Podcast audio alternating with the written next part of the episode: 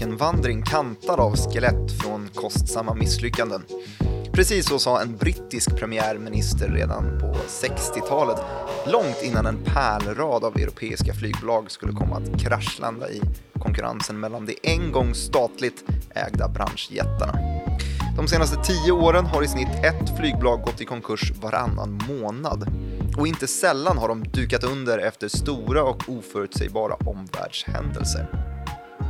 Kan vi vara på väg åt något annat håll än att fler bolag står på tur eller kan branschen mot alla odds resa sig ur askan i elden likt en fågel Fenix och till sist få vingar som faktiskt bär i ett tidevarv där också världens största tillverkare Boeing genomlever sin största kris hittills.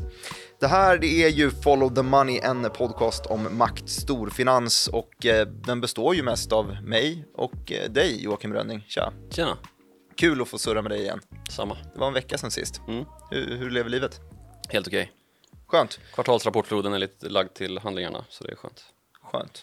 Du, är någon eh, som, eh, vars, vars puls vi borde kolla eh, och som är centret för det här avsnittet, det är SAS. Ja, SAS SAS. och Norwegian kanske. Ja, Norwegian SAS också. är ju- ja. Eh, SAS är ju det, det skandinaviska airlinet. Toppade 2007, jag satt och roade mig i en liten grafvandring. Mm. Toppade 2007 och jag har fallit sådär en, ja, men drygt 95, 96, 97 Mm. procent kanske. En riktig klenod vi har Ja. i skyn. Men det känns ju ändå som ett så, så stort och, och mäktigt varumärke, men det är liksom, det är 5 miljarder i börsvärde, typ. Ja. Men det är fortfarande ett mäktigt börs, äh, vad säger jag, Mä- mäktigt varumärke ju. Ja, det är det. Ehm, och sen så, alltså det är inte säkert att SAS guldålder riktigt finns med på den grafen där. Nej. För det var nog innan, eh, innan det är så att eh, det kom på börsen överhuvudtaget som den guldåldern var egentligen. Men det är ju en bransch som har mött väldigt, väldigt mycket motvind känns det som. är det Ja. kul? Ja. Den är väl liksom eh, framfödd och uppdriven i motvind kan man säga. Aha. Jag tänker på alltså, det mest spontana man tänker flygbranschen just nu när vi sitter här 2020 och det var nog mest spontana man tänkte på 19 och 18 också. Det var flygskammen, alltså Mm. liksom det, den stora eh, marknadssentimentet som eh, liksom bedriver eh, någon form av, eh, av åsikt om att man kanske borde dra ner på flygandet. Och det Mm. ligger väldigt mycket i det, men det är klart att det också slår mot flygbolagen, Ja, givetvis. det verkar så i alla fall. Men det finns ju också ganska mycket andra grejer som, eh, när jag tittade tillbaks inför det här så tänkte jag på, just det, vi hade ju ett, ett vulkanutbrott, Eyjafjallajökull. Ja, de är väldigt sköra för... eh, Ja, du hade koll på Eyjafjallajökull. Det är klart jag hade. Då fastnade jag på Västerås flygplats faktiskt. Gjorde det? Mm. Skulle... Är det en trevlig flygplats, tycker du? Eh, nah. Det är väl en, en Skavsta-lik flygplats? Ja, en, liksom. en, en sån här liten lågpris. Eh, lag, laggårdslik. ja. Nej, men eh, det, det är ju väldigt skört för omvärldshändelser. Det har ju hänt flera gånger i eh, den liksom närliggande historien att flygbolagen har varit nära på kollaps eh, på grund av dylikt. Då, liksom, bland annat den här Eyjafjallajökull, men också eh, sars var ju en sån händelse. Sars-epidemin i Asien på, i början på 00-talet. World Trade Center-attackerna när flyget Absolut. låg nere i hela USA i någon vecka var en sån händelse. Så fort oljepriset skjuter i höjden så är det inte Precis. heller så bra för, för eh, flygbolagen. Och det sker ju lite då och då. Ja. Liksom. Ehm, 737 Max, Mm. hela den historien. Det- Corona har du inte ens nämnt, men den är också solklar. Ja, precis. Alltså, Ehm, Det känns som att om man skulle sammanfatta alla de här små grejerna, vi, vi kan gå in djupare på en och en av dem, men det är liksom en, flygbranschen är en bransch som är extremt kapitalintensiv. Ja, Eh, dyra flygplan eh, och man, man vill liksom man vill skalfördela, man, man- man vill liksom få upp volymerna för det är då man tjänar riktigt mycket pengar. Liksom. Så extremt kapitalintensiv och samtidigt också extremt känslig för alla typer av eh, externa händelser som påverkar oförutsägbarheter liksom. Ja, det känns som att vad som än händer så påverkar det flygbranschen i något mål. Det är typ det första man drar ner på också. Säg bara att konjunkturen går ner. Mm. Det, det sista man gör är ju, eller det första man som ryker ur budgeten, det är ju semestern. Mm. Det, känns ju ganska standard och då struntar man i att flyga helt enkelt. Ja, det, men då, och det är ju å andra sidan då väldigt sällan man stöter på en omvärldshändelse som är positiv för flyget. Ja, vad fan skulle det vara? Äh, jag kan inte komma på ett. Stora med, medvindar västerut. Ja. Flygresorna till USA blir billigare. Ja. Så då ska du hem sen också kanske. Ja, ja, man får väl stanna där. Ja, men om vi ska zooma tillbaks lite då på vad som eh, vi pratar om här så är det ju liksom eh, ja, flyget efter det att jetmotorn tog plats på flygplanen. Mm. Eh, för det var då den här storskaliga passagerarflygverksamheten tog sin början. Ehm, och där har vi liksom, lite grann orsaken till att flygmarknaden har sett ut som den har gjort med de här stora statligt ägda bolagen. Att SAS eh, från början var ju ett statligt ägt bolag Mm. eh, delat mellan Norge, Danmark och Sverige. Mm. Och anledningen till att det blev så var ju att det var så kapitalintensivt, så fruktansvärt dyrt att starta flygbolag ju. Mm. Ehm, och det är klart att du kan tjäna väldigt mycket pengar på det, men du kan också förlora väldigt mycket pengar på det. Ehm, och Det leder en ju in till, jag ser att du ler lite grann, men det finns ju ett, ett, ett typiskt citat här på förlora pengar och flygbolag. Ja, men säg som, det då. Ska jag säga det? Ja, gör det var Richard Branson som sa det. Eh, och han sa att det snabbaste sättet att bli miljonär på, det är att vara miljardär och köpa ett flygbolag. Mm, precis. Eh, det har han väl fått rätt i. Han har ju startat ett flygbolag men, eh, jag vet inte om det är så superlyckat, men det lever ju fortfarande i alla fall. Mm. Och har likt alla andra, det är ju inte ett statligt eh, bolag såklart eftersom att det är han som har startat det. Mm. Men det har ju likt alla andra av de här statliga bolagen varit involverat i så här, fusionsdiskussioner och grejer. Men det, har Men det känns som att riktigt- alla har stött på motvind och så vidare. Och en liten sån här, en grej som jag tänkte på eh, inför det här också. Väldigt många flygbolag är börsnoterade. Det Mm. känns som att väldigt många flygbolag vill ha den här eh, snabba tillgången till, Ja, men det är ju, till precis. kapitalinjektioner. Det är samma, samma grej att det är så oerhört kapitalintensivt och när det väl bränner till så måste man ha cash och då går man till börsen och gör en nyemission. Mm.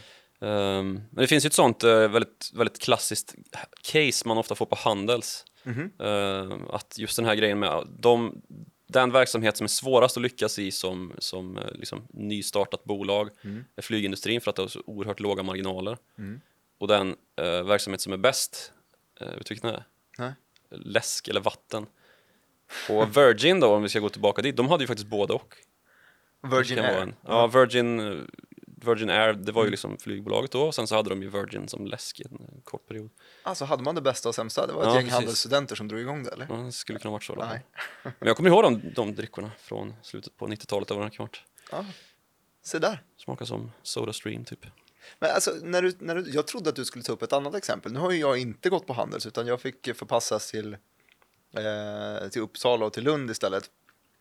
Där var det ett exempel mellan två stycken, eh, två stycken bolag. Man skulle förklara spelteori. Alltså hur mycket man skulle eh, man kunde vinna på att sänka priserna för att ta marknadsandelar och konkurrera ut folk och så vidare. Och då för att illustrera ett ställe där två bolag verkligen satt fast. De kunde inte gå någonstans. De båda satt och bara blödde pengar men ingen kunde liksom släppa marknadsandelen till den andra. Då var det Boeing versus Airbus. Mm. Och då menade man då att ja, nej, men till priserna som de producerar idag så går båda med förlust om man skulle ta bort de eh, stöden de får. För att båda går egentligen i minusaffärer, men skulle den ena försvinna så skulle den andra få tillgång till det här paradiset, monopolet på marknaden och få producera allting och sätta priserna själv i princip. Ja. Det exemplet trodde jag att du skulle dra, men du drog läsk och eh, flygbolag istället. Mm. Ja, Men de, eh, de linjerar väl in i varandra lite grann ändå på, på lång sikt. det gör de väl. Eh, Du, Men just att det här att det är så dyrt att både bygga flygplan och köpa flygplan och få dem att patrullera i luften är ju liksom själva grundincitamentet för att den här sektorn är så oerhört svår att liksom få ordning på. Och att de här statliga bolagen som först var i princip liksom ett, eh, ett, en monopolmarknad där eh, liksom en herrklubb där man bestämde priser och vilka rutter som skulle köras av vem och eh, ja, men att allting kom in från, från skattekistor liksom där medborgare i Europas och andra nationers länder helt enkelt ja, drev upp den här sektorn. Mm. Och nu har vi den eh, och nu sitter den på börsen och är privatägd istället till största delen i alla fall i eh, Europa och USA efter en massa avregleringar man gjorde på 70, 80, 90-talen. Eh, Men det är fortfarande en väldigt stökig marknad, eh, både inom flygbolagsbranschen och inom flygtillverkningen. Då. Och Airbus är ju just av den här anledningen att man vill ha ett europeiskt, eh, en europeisk konkurrent till Boeing då, som ju är en amerikansk eh, aktör. Mm. Eh, Airbus är ju liksom skapat av de europeiska flygbolagen.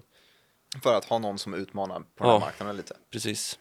Ja, det här är ju alltså, jaha. Airbus. Eh, Jag tänker på den här eh, handelskonflikterna tar sig ofta uttryck mellan just Ja. de här producenterna också. Och man vet inte riktigt hur mycket stöd, om de får jättemycket stöd från sina statliga representative Eh, alltså om Frankrike stödjer Airbus särskilt mycket, om Boeing får jättemycket stöd av USA. Har du någon koll på hur det, hur det ligger till? Du som ändå är utrikesredaktör, har du varit där och petat? Jo, någonting? det har jag, men jag, jag vet inte hur mycket i liksom, råda tal det rör sig om, men det är ju, de motsvarar väl varandra ungefär. Och sen så finns det liksom en konflikt i då hur betalas de här stöden ut? Ja, i Airbus fall kanske det är mer liksom så här produktionsstöd som man faktiskt betalar ut, liksom att här bygger en fabrik, eh, ni får gratis mark. I Boeings fall så kanske det snarare utgörs av då att man ger eh, väldigt stora försvarskontrakt till Boeing som ju också är liksom ett i grunden ett försvarsföretag. Alltså det var ju de som byggde B-52 bombplan eh, alltså för, till, till var andra som världskriget. liksom. bar eh, Hiroshima-bomben till exempel. Det vet jag inte om det var, men det var det alltså bomber som Den eran i alla fall. Ja, precis. De som fällde bomber över Europa under eh, andra världskriget. Det Mm. var Boeing-plan, som fortfarande är i bruk för övrigt. Men sen så det att man tog, tog steget in på passagerarjet då, det var ju i samband med att eh, jetmotorn eh, var färdigutvecklad, eller färdigutvecklad, man kunde sätta den på flygplanen och faktiskt köra passagerare på stor skala. Att man kom ut då med Boeing 707 och den liksom, serien har ju fortsatt eh, ända till våra dagar med det största flygplanet 787. Ehm, och den senaste i den eh, raden är ju 737. 737 Max, ja precis. Ja, exakt. Som Den, den har, skulle man ju vilja, den har ju stött på en jäkla massa problem i Ja, sig. den är ju, det är ju ett riktigt sorgebarn alltså. Och det är ju den här krisen som du pratade om i introt. Det är Mm. ju den största krisen som Boeing har genomlevt, som man är mitt uppe i nu. Ehm, Ja, men för samtidigt som att vi snackar om att det är kapitalintensivt och det, det är såna o- ordentliga inträdesbarriärer på det här, på, på branschen som, som flygbolag just nu. nu. Nu får vi också inte blanda ihop flygbolag som typ SAS, Norwegian, Ryanair eh, med flygplanstillverkare. nej, precis, flygtillverkarna är ju... otroligt skilda branscher i sig. Men de, de lutar ändå mot varandra på något sätt i att flygbolagen använder flygplanstillverkarnas plan. Men det är också, om man är flygplanstillverkare så är det en otroligt eh, regleringstät. Det måste ju vara väldigt svåra eh, säkerhetsföreskrifter som man ska kunna ta sig igenom. Det är också en sån där Ja, men det ser vi också om man tittar på ett flygplan från då 1960-talet när 707 var riktigt ute på marknaden och liksom Airbus började göra sina första modeller. Eh, de ser ganska likadana ut som flygplanen vi ser idag. Liksom. Det, den här 737 Max då som, ja vi kanske går in lite närmare på det så att folk hänger med. Mm. Eh, det var ju två, två olyckor som skedde med det här nya planet då. eh, med 360-ish döda. Mm. Och efter det så har ju den här flygplansmodellen fått eh, flygförbud. Mm. Den får inte flyga någonstans i världen. Och det vållar ju ohyggliga kostnader för de flygbolag som har 737 Max i sina flottor. Men borde inte de få eh, kompensation från tillverkaren då, Boeing? Borde inte ja, de men stå för kostnaden? alltså, det är väl ungefär som när du tappar bort klockan liksom. Du får inte en helt ny klocka gratis. Det är lite självrisk och det tar lite tid Det, innan ja, du får precis. det och du ska och det, i rätt är, det är svårt att uppmäta liksom, exakta kostnader för det där. Mhm. Och dessutom så ja, ska alla ersättas fullt ut och då är det frågan om Boeing överlever. Liksom. Eh, och det är inte bara liksom, flygbolagen som står med eh, liksom, krav på Boeing, det är liksom aktieägare som hävdar att man blivit förledda då, kring den här processen eh, där man har certifierat Boeings flygplan då, i ganska tät kontakt med federala flyg, ja, luftfartsverket i USA. Mm. Och i och med att Boeing är typ det enda, den enda flygplanstillverkaren där så är det väldigt täta band mellan de här två eh, så att Boeing nästan har blivit en myndighet i sig liksom. Eh, och hela certifieringsprocessen är ju det som alla tittar på nu liksom och eh, dels då när kan flygplanet återtas i drift Eh, och dels hur, hur gick det här till? Hur kunde ni låta det här ske? Um, vilket i grund och botten har att göra med då att man försökte skynda på en process där man skulle bygga uh, den här nya modellen som är, har större, tyngre motorer men som är bränslesnålare.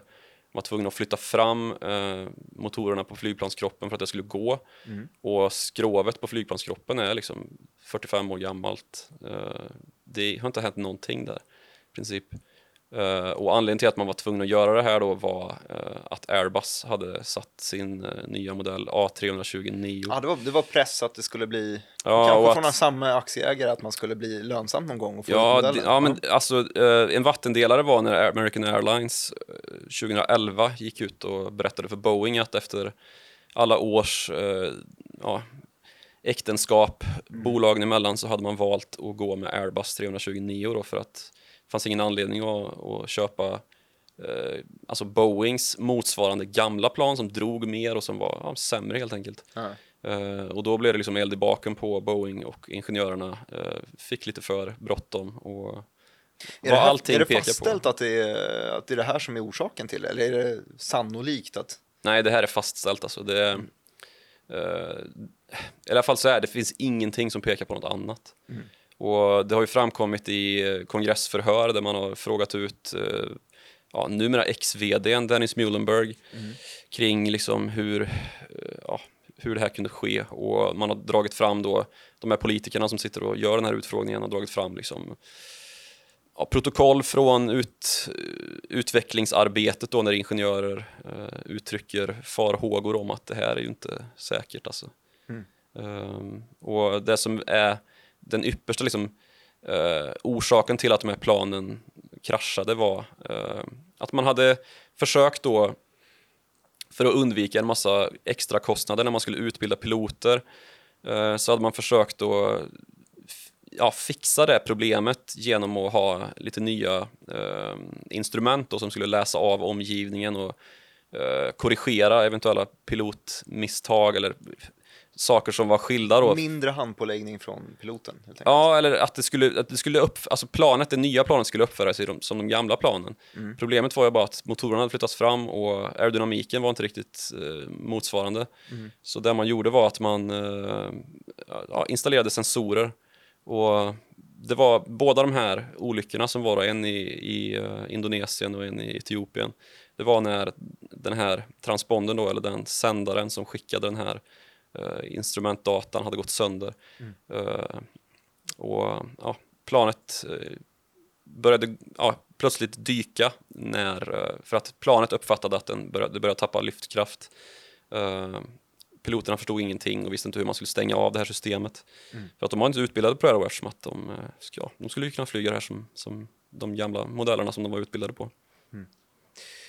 Tragiskt. Mm. Jag, ser, jag ser två stycken, två stycken delar här i hur det här, om vi går tillbaks till, till flygbolagen som har det, som, har, eh, som får det tufft beroende på en massa olika saker.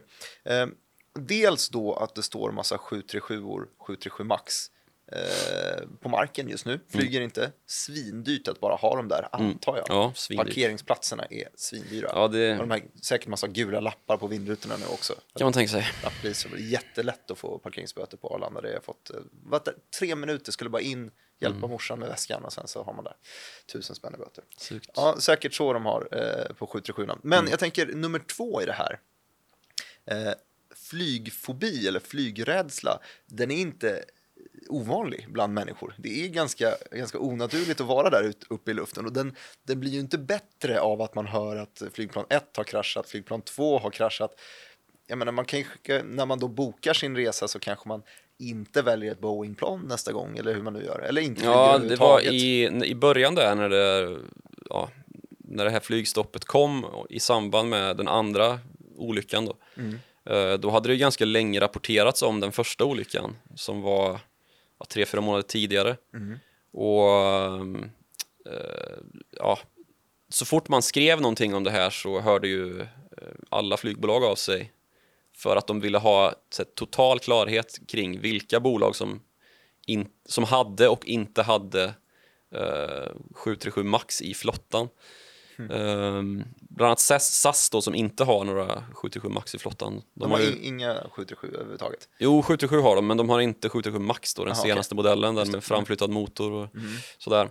Ehm, och de har ju valt att gå över till Airbus snarare då än eh, köpa plan från Bo Boeing. Mm. Så de, de låg ju på eh, om man hade skrivit någonting om det här och ja, Och inte tydliggjort att precis, SAS inte tydliggjort har att SAS ingen inte har. 77 Max. Precis.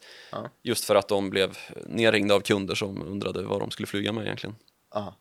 Ja, det kan Eh, man Så den eh, eh, flygrädslan är nog en eh, ja, men det är klart att det slår mot eh, en bolagen. kännbar aspekt för bolagen. Det, det enklaste man gör då är att man, man tar tåget istället eller stannar hemma.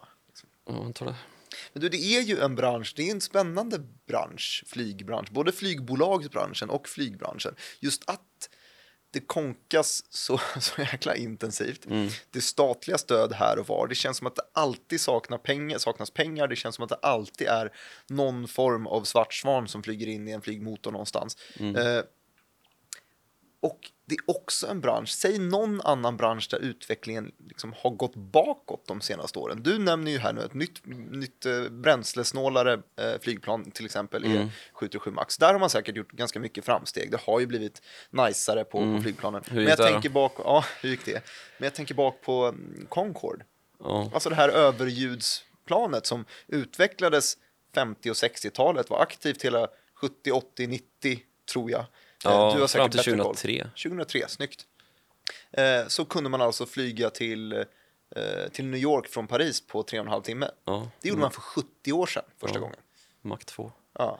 Det, det, man, vilken annan bransch har dubbla flygtiderna idag, 70 år senare? Alltså det är mycket utveckling. Ja, det är ju det. Men det, ja, jag vet inte. Det, man lider väl dels av den här eh, totala liksom säk- ja, men just säkerhetsproblematiken är nog ganska kännbar. Men sen också att man har kommit upp till någon sorts good enough-nivå. Eh, att man har lyckats liksom få upp folk i luften, man har väldigt mycket flygtrafik i världen. Eh, och sen så visst, Concorde, de gick fruktansvärt fort men de lastade inte så jättemycket passagerare. Så om du liksom tar en total volymberäkning på hur mycket folk som kunde flyga med de här, alltså man tillverkade 20 Concorde-flygplan totalt. Så det var inte många som var, ja, f- fick, fick del av den. Eh, Nej, och det är många... och sen så liksom, idag då om vi tittar på bränslesnålhet så, så är ju det ett hål i huvudet då. Alltså de drar ju 5, 6, 7 gånger mer än, eller gjorde då redan, än vad ett liksom vanligt passagerarflygplan gjorde. Då kostar det ju inte bensinen lika mycket, eller? Bensin Nej. flygbränslet. Det gjorde det inte. Eh, och jag tror inte att idag att man hade kunnat göra det till ett liksom viable option riktigt. Nej. Eh, Men jag tänker också att, eller alltså, min tanke till att det inte liksom har kommit något nytt alternativ. Man borde ju med dagens teknologi kunna bygga ett Concorde med, som är lite bränslesnålare. Eller göra någonting i alla fall. Det känns det som att Mm, håller på. världen, ja, men skönt, skönt, skönt där. Men det Jo, jag men det- menar med det är att Det finns en massa utvecklingsprojekt för det där. Eh, Men följ min tanke här. Att det är en bransch som de lider av att de aldrig har tillräckligt mycket pengar. Det är katastrof på katastrof på katastrof och man måste hela bara tiden täcka igen luckor. Mm. Var hittar man då en budget att lägga, liksom, lägga pengar på R&D? NASA. Nå, ja, Ja NASA, men på typ. riktigt så är det, eh, och det är, ju, det är ju liksom där den här eh, konflikten mellan, ja, bland annat USA och EU rör sig ju med Boeing på USAs sida och eh, Airbus på, på Europas sida.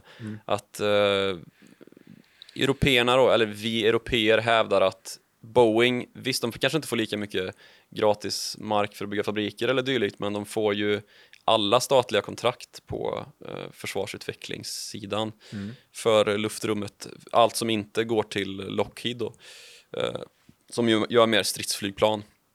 Men Boeing gör ju också stridsflygplan, eller hur? Nej? Jo, det gör de, men eh, det är liksom en... Vad det gäller den här utvecklingen av alltså supersonic-flygplan som är alltså överljudshastighets Ja. transportflygplan. Där är Lockheed Martin med F. Ja, där är Lockheed 30 Martin, men det, alltså där är ju, det är ju NASA som, som lägger ut för de eh, utvecklingsprojekten. Så det är ju statliga pengar och det är ju samma sak som, som Concorde skapades ju. Att eh, det var två stycken statliga, brittiskt, franskt, eh, lyckades de dra jämnt och skapa eh. Concorde. Ja. Så det var ju inget, liksom, det var inget Det är en bedrift i sig. Det var inte Ja. Boeing eller Airbus som tillverkade dem i grund och botten, utan det var ett liksom, eh, statligt eh, stöttat projekt. Liksom. Mm. Det, det, är, det har vi snackat om förut. Vi snackade om något eh, World War 3-program, tror jag, avsnitt Mm, just det. någonting. Och snackade just om att spjutspetsteknologi bedrivs i, i militären. Ja, jo men sätt. så är det i där rätt stor utsträckning. incitamenten är som högst. Liksom. Ja, När staten bara slänger pengar på att Oppenheimer ska bygga en bomb eller vad som helst. exakt. Hittar och det, alltså det, det närmar sig ju som sagt NASA och rymdtekniken liksom att ehm, en Concorde är inte så superlångt ifrån en liksom, rymdraket ju. Det är Eh, häftigt. Tänk Dels om man tittar på hur den ser ut, men också liksom om man tänker sig hur det var att flyga i en Concorde, att du satt liksom, så du såg, du såg ut i svarta rymden liksom. Och eh, kunde se jordens krökning i horisonten om du tittade ut genom eh, Ja, jag läste någon, någon text om att ja, det mäktigaste med att flyga Concorde det var att flyga där och så se, flyger man över alla 707or sådär en, ett par tusen meter under dig och ser hur, hur de bara långsamt, det ser ut som att de nästan står still när man Ja, som flyger dem. baklänges. Ja, exakt. Det var en mäktig bild tyckte jag. De Ja. flög ju på så mycket högre höjd och så flög de ju Ja. dubbelt så snabbt, om inte mer. Mer. Mer till och med, just det, Mac 2 snackade vi här. Ja, jag vet inte. Men det, det var... mm, eh, Alltså om vi pratar utveckling av såna här... eh, ja, den här typen av teknik så är det ju alldeles för dyrt för att en enda liten liksom, aktör ska ha råd med det. Och där kommer ju den här, liksom, det här handelskrigs, eh, den här handelskrigsfronten in ju. Och den förs ju i- högsta grad även i våra dagar. Den tog väl fart egentligen på typ 60-70-talet när Airbus gick in och tog en massa kontrakt då, för att ja, Airbus var ju nytt. Innan det så var det bara, bara Boeing på, eh, eller en massa amerikanska andra bolag förvisso, men Boeing tog ju en väldigt, väldigt snabbt en stor marknadsandel. Ehm, och, och att, att det blev liksom en politisk fråga att man kunde gå in till eh, Turkiet säger vi och ehm, ja, ge eftergifter då för att de skulle köpa Airbus-flygplan för att det, var, det är en sån stor affär liksom så att ehm, det ger liksom en gynning för hela regionen, inte bara Frankrike och de som är med i Airbus-samarbetet utan för hela Europa liksom. Så att, eh, Det blev en, en bricka att ha i handelsspelet helt enkelt, de här Ja, stora kontrakten. Och Boeing, jag vet inte hur det ser ut idag just, men för några år sedan i alla fall så var de ju USAs största exportör fortsatt. Ehm, så att det är ju en oerhört viktig spelare och ofta när det kommer BNP-data från USA så, eh, alltså nu senaste mm, kvartalen så har det liksom nämnts i fotnoter att eh, ja, Boeing står still, därav eh, drar vi av den här, det drar av den här procentenheten liksom från, Mm. För att det är så pass stora som de snackar om. ja, Du, eh, vi har ju surrat nu om, eh, om SAS, toppen 2007, eh, nere i källaren idag. Eh, toppen 2007 var då, i alla fall enligt mina börsgrafer där, kostade en typ 350 spänn per, per aktie. Idag så handlar man SAS under 14 kronor per aktie. Vanligtvis så brukar man ju hoppas på att börsen går upp över tiden. Det har den inte gjort i SAS-fallet. Vad har vi för andra börsnoterade flygbolag? I, huvudet så, Norwegian har ju varit på tapeten väldigt mycket på senaste. Jag gissar att du har skrivit rätt mycket om dem ja också. gud ja. Mm. Ehm, Det var ett de- bud från IAG heter de va? Ja, det, bud var det väl, jag vet inte, kommer inte ihåg om det var bud, men de gick in och tog en, eh, en andel i alla fall, Ja. eh, som de nu har sålt. Så det ligger väl på is kan man säga. Ja, Uh, IAG är ju då British Airways eh, ägare. så är det. Ehm, Jag tänker att vi skulle få något form av eh, börsfokus i det här Ja. avsnittet också. Jag vill kasta Eh, in lite. det finns ju hur många börsbolag som helst ju. Alla, alla alla, ja, men alla, alla bolagen är ju börsnoterade. I, Ryanair är börsnoterat, Wizz Air är börsnoterat Mm. vet jag. Eh, Boeing och Airbus är ju noterade såklart. ja. Eh, ja, Lufthansa, Finnair, Air France, KLM. KLM, precis. Eh, sen så IAG då, de har ju som sagt British Airways och Iberia är väl där också. just det. Men det är många av de här gamla anrika som har gått omkull också. Ja. Pan Am från Catch Me If You Can-filmen. Ja, precis. De som gjorde flyget sexigt. Ja, exakt. Eh, de har ju gått omkull, ja. I några omgångar till och med. Ja. Ehm, De gick ju omkull första gången där, eller jag tror i alla fall det. Jag, jag läste det som finansiella bekymmer Mm. 1973 när OPEC plötsligt eh, höjde priserna så att eh, oljepriserna gick från 20 dollar per fat upp till 60 eller någonting. Mm. Där då så första käftsmällen. ja, Såna det var ju det som satte punkt för guldets, eller vad säger jag, flygets guldålder egentligen. Eller hur? På 70-talet där. Eh, när man hade skapat sig den här sexiga, liksom, eh, det här sexiga skimret över att vara eh, i luften. Eh, och sen så kom, eh, kom ju det att straffa ganska hårt. Det ser vi ju fortfarande liksom drag av med alla fackliga utmaningar man möter. eh, Ja, piloter som vill ha väldigt mycket betalt och Ja, just det. Vi hade ju pilotstrejk förra året. Ja. Ja, gud, det har vi varje år alltså. Det är ju ett ständigt pågående bekymmer i hela branschen ju. Och det är ju liksom i å sin sida liksom tillräckligt för att ett, vissa bolag ska kunna gå i konkurs. Det har faktiskt hänt eh, SAS att man liksom har fått ha det som liksom mot, ja, Om ni fortsätter strejka så finns inte Ja. jobbet kvar längre. Ja. så har det gått till faktiskt.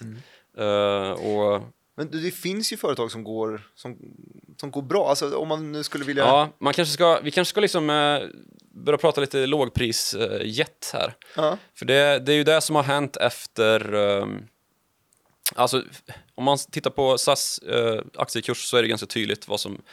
Vart det gick eh, liksom, söderöver, det är ju Lehman Brothers eh, finanskrisen 2008. ja, men exakt. när plötsligt allt, eh, allt föll. Pengar försvann pengar, pengar försvann bara. Ehm, och därefter så har ju lågprisflygbolagen kommit att helt liksom... eh, Där är väl Ryanair först, eller? eller mitt Ja, alltså det beror på de- vart man tittar ju. Det är ju i- först, det, hela idén med lågprisjet kommer ju från USA, det är ju Southwest. Mhm. Eh, och då blev Michael O'Leary då, som är Ryanairs VD, en fanboy till sin motsvarighet då i Southwest. Mhm. Eh, åkte över och tog in hur, hur det här ska gå till. Och i eh, startade det första lågprisflygbolaget eh, flygbolaget i Europa och som senare typ kom att rädda Boeing med en jättestor beställning. Ehm, som man dessutom fick till halva priset då för att Boeing låg i spillror efter finanskrisen. Och därefter så har det ju tillkommit nya. Eh, EasyJet var ju tidigt ute på marknaden. Eh, Lufthansa eh, har startat ett eget som heter German Wings. Ja, just det. Jag tänkte säga Lufthansa är väl inget lågpris, men Nej, deras det är en sån eh, gammal statlig Ja. klassiker. Eh, och sen så då Norwegian såklart. ja. Och det man, gör med, det man gjorde då som skilde de här lågprisvarumärkena var att man skar bort allting sånt här som de konventionella bjässarna liksom hade satt ut för att tjäna pengar. Det var inte längre att man tjänade pengar i luften utan det var att man skulle ha olika kreditkortslösningar och det var bonusprogram och det var lounger och you name it, eh, limousinetjänster och dylikt. Eh, det struntade ju Southwest, EasyJet och Ryanair fullständigt i. Man var ganska tidigt ute på internet och så att det gick att boka. Man kringskar, kringskar de här eh, kostnaderna då för att, för att ha mellanhänder i form av resebyråer. Och Ehm. genom att göra det lite småkrångligt sådär så kunde man få in lite extra deg också när man hade glömt att Ja, när någon hade checka glömt in ett bagage eller någonting. kryssa i en ruta eller Det är, det är ibland det sjukaste när man, när man kommer till ja, lågprisflygplatsen i, i Stockholm. Du nämnde Västerås tidigare, Skavsta är också en sån utanför Nyköping där. Vad heter den i Göteborg? Eh, Ja, det, jag kan inte det var en sån riktig laggård på ett gärde. och så hette den Göteborg City Airport. Alltså jävla lu- många lurade turister Ja, som har råkat hamna där istället för Landvetter. Storstadsturist som kommer och tittar Men ut då när man har glömt att skriva ut sin biljett och kommer dit till flygplatsen och man går fram till Ja. Ryanair-desken och bara ja, nej, men det blir 500 spänn för att vi ska skriva ut den här. Ja, jo, så, så är det. Så tjänar man pengar. Men det, det, har ju, det blev ju då att åka buss i luften. Det var faktiskt liksom, uh, vad heter han, Eh, Herb Keller, han som startade Southwest, det var hans liksom devis att det ska vara som att åka buss i luften. Mm. Och det är det ju också. Det är ju lite Så saknar en liten stoppknapp bara. Bling, här ska det vara ja, av. ja, men det, Ovanför det, Island. Slipper man åka hela vägen till USA. Ja, nej. det är någon annan tjänst det tror jag. Ja, okej. Det är den här uh, drönaren man hänger sig. Ja, ska vi få in drönaren igen? Kul. Du, det finns ju också andra, eh, vi ska, vi ska wrappa ihop det här avsnittet. Jag vet att du har grejer att komma tillbaka till, jag har grejer att göra också efter det här. Eh, vi har snackat SAS, vi gick eh, till eh, punkten att hela branschen har motvind. Det är en kapitalintensiv bransch Eh, som eh, får lite motvind av vulkanutbrott, av flygskam, av coronavirus som gör att man inte vill resa, av oljepris som är volatilt. Det kan ju både gå upp och gå ner, men så fort det är volatilt så behöver man ju ta höjd för det och ta höjd, det är svårt när det är kapitalintensivt i övrigt, behöver mer pengar alltså. Eh, vi snackade om 737 Max också. Eh, vi snackade om Airbus versus Boeing. Vi gick inte in så mycket på under, jag vet ju att vi har ju brasiliansk leverantör till Boeing, eller hur? Ja, eller de har Embraer. ett joint venture med Embraer ja. Ja, ja det. ja, vi kanske inte gör det. Airbus har något liknande också va? Eh, Men på tal om underleverantör ska man väl nämna CTT Systems tycker jag. Snyggt, CTT Stockholms- Systems tyckte du. Får jag nämna ett litet eh, spotlightbolag i 100 miljonersklassen då? Aerowash. Också. Ja, de tvättar flygplan. Eh, De är såklart exponerade mot flygbranschen. Vi har Wow, också typ ja. eh, Systemair, tror jag. Eh, någon ventilations... Nej, kanske inte. Jag tror inte det. Nej, förlåt då. Eh, inte Systemair. Nej, men CTT Systems håller ju också på med, eh, inte ventilation, men med luft, kondens, luftfukt. Ja, precis. Ja, jo, men det vet jag. Dels Ja, dålig koll på dem, men. Aerowash vet jag i alla fall. De tvättar flygplan, Mm. har koll på. Stämmer. Ehm, med det så, jag, jag känner mig helt nöjd. Känner du dig helt nöjd Joakim Rönne? Ja, jag tror det. Jag tror det. Det Det var i alla fall väldigt mysigt att sitta och prata med dig igen. Ja, tack. eh, kul, med, kul med flygbranschen, det är spännande. Ja. Just det här med att jag vill ha en ny Concorde. Jag tänker mig att, är det dags för Elon Musk att hitta på något nytt här nu? Får vi in honom igen? hitta på ett litet elflygplan som kan ta oss världen runt. Ja, men det, det, alltså om man ska prata lite så här förut, alltså blicka framåt då. Ja. För om den här jävla sektorn någon gång ska komma på fötter och bära sig utan kryckor och hängslen och Och livrem också på det. Mm. Ja, men verkligen så här, för de tappar ju brallorna gång på gång på gång Ja. och det är alltid liksom, ja, aktieägare eller ja, vem ägaren än är, om det är en aktieägare som du och jag eller om det är eh, en stat som står där bakom. Eh, I form av idag då så är ju alla statliga eh, aktörer de som finns i Mellanöstern, som ju är världens största flygbolag. Det sitter ju väldigt bra där ihop mellan Europa och Asien ju. Ja. Eh, och då, då, det är ju inte- det är ingen liksom lönsamhetsmässig succé direkt. Nej. Men om man någonsin ska komma framåt och liksom, ja, men ta det här i mål och liksom skapa en sund, habil marknad som man kan ha lite förutsägbarhet i. Då säger du laissez-faire, eller du vill låta det bara sköta sig själv? Nej, nej men alltså det går nog inte. Nej. Vi måste ju ha flyget i någon utsträckning liksom. Mm. Och det måste ju utvecklas då mot att det blir hållbart och att det blir lönsamt. Mm. Och hur länge det ska ta, det är ju liksom en opportunity cost som ingen kan kalkylera i dagsläget. Men det måste ju gå dit här att vi når liksom antingen med hjälp av då elflyg, det finns ju en massa eh, försök med det, där Airbus och ja, SAS har väl också varit med och skrivit något liksom initialt avtal om att man ska satsa på det liksom. Mhm. Men det måste ju gå åt det hållet, att det faktiskt blir liksom lönsamt, en teknik billigare. som rensar bort hela Exakt. gamla delarna av Annars branschen. kommer någon annan teknik till slut att komma ikapp och gå förbi. Om Gamla det, flygplan, höga kostnader måste rensas bort. det måste rensas bort. Och man kan inte ha det här liksom maxproblemet då, eh, 737 max. Nej, Att man har liksom en 50 år gammalt flygplan som man sätter på två tunga motorer som förvisso är liksom eh, snålare miljömässigt men som samtidigt liksom är sänker det plan i Rolls Royce backen. som tillverkar dem eller? Nej, Rolls-Royce har sina egna problem. Det är 787 Dreamliner. Jaha, okej. Man har eh, rotorblad som är tunna som äggskal och som spricker. Ja, det är inget bra heller. Nej, det hade ju också Norwegian lite kostnadsmässiga problem. Ja, du ser. Det Men kommer ja, el, elflyg eh, om eh, 5, 10, 100 eller 150 år får vi se om Ja, den, vakuumtunneln har kommit då än och kan ja, där, där har vi på faktiskt riktigt, nästa grej om, som eh, revolutionerar. Tåget har blivit en, så bekvämt att en man liten hyperloop istället för ett flygplan. sugen på att ta tåget Stockholm-Paris på under 12 timmar. Ja, det vore fint.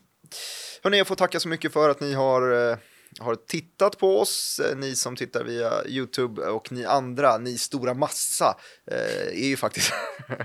det var inte en förolämpning. Men de flesta av, oss, av er eh, lyssnar ju på oss. Folket lyssnar på oss och det är vissa som tittar på oss.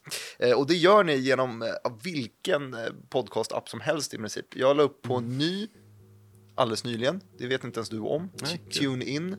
Albert Rossum, låter bra. Vi finns på TuneIn också, vi finns på Acast, vi finns på Spotify, vi finns på alla de där. iTunes. Och på YouTube. Och eh, där ni kan eh, ge ett gott omdöme så ska jag försöka behålla mitt omdöme. Eh, så ses vi om en vecka. Hej. Hej!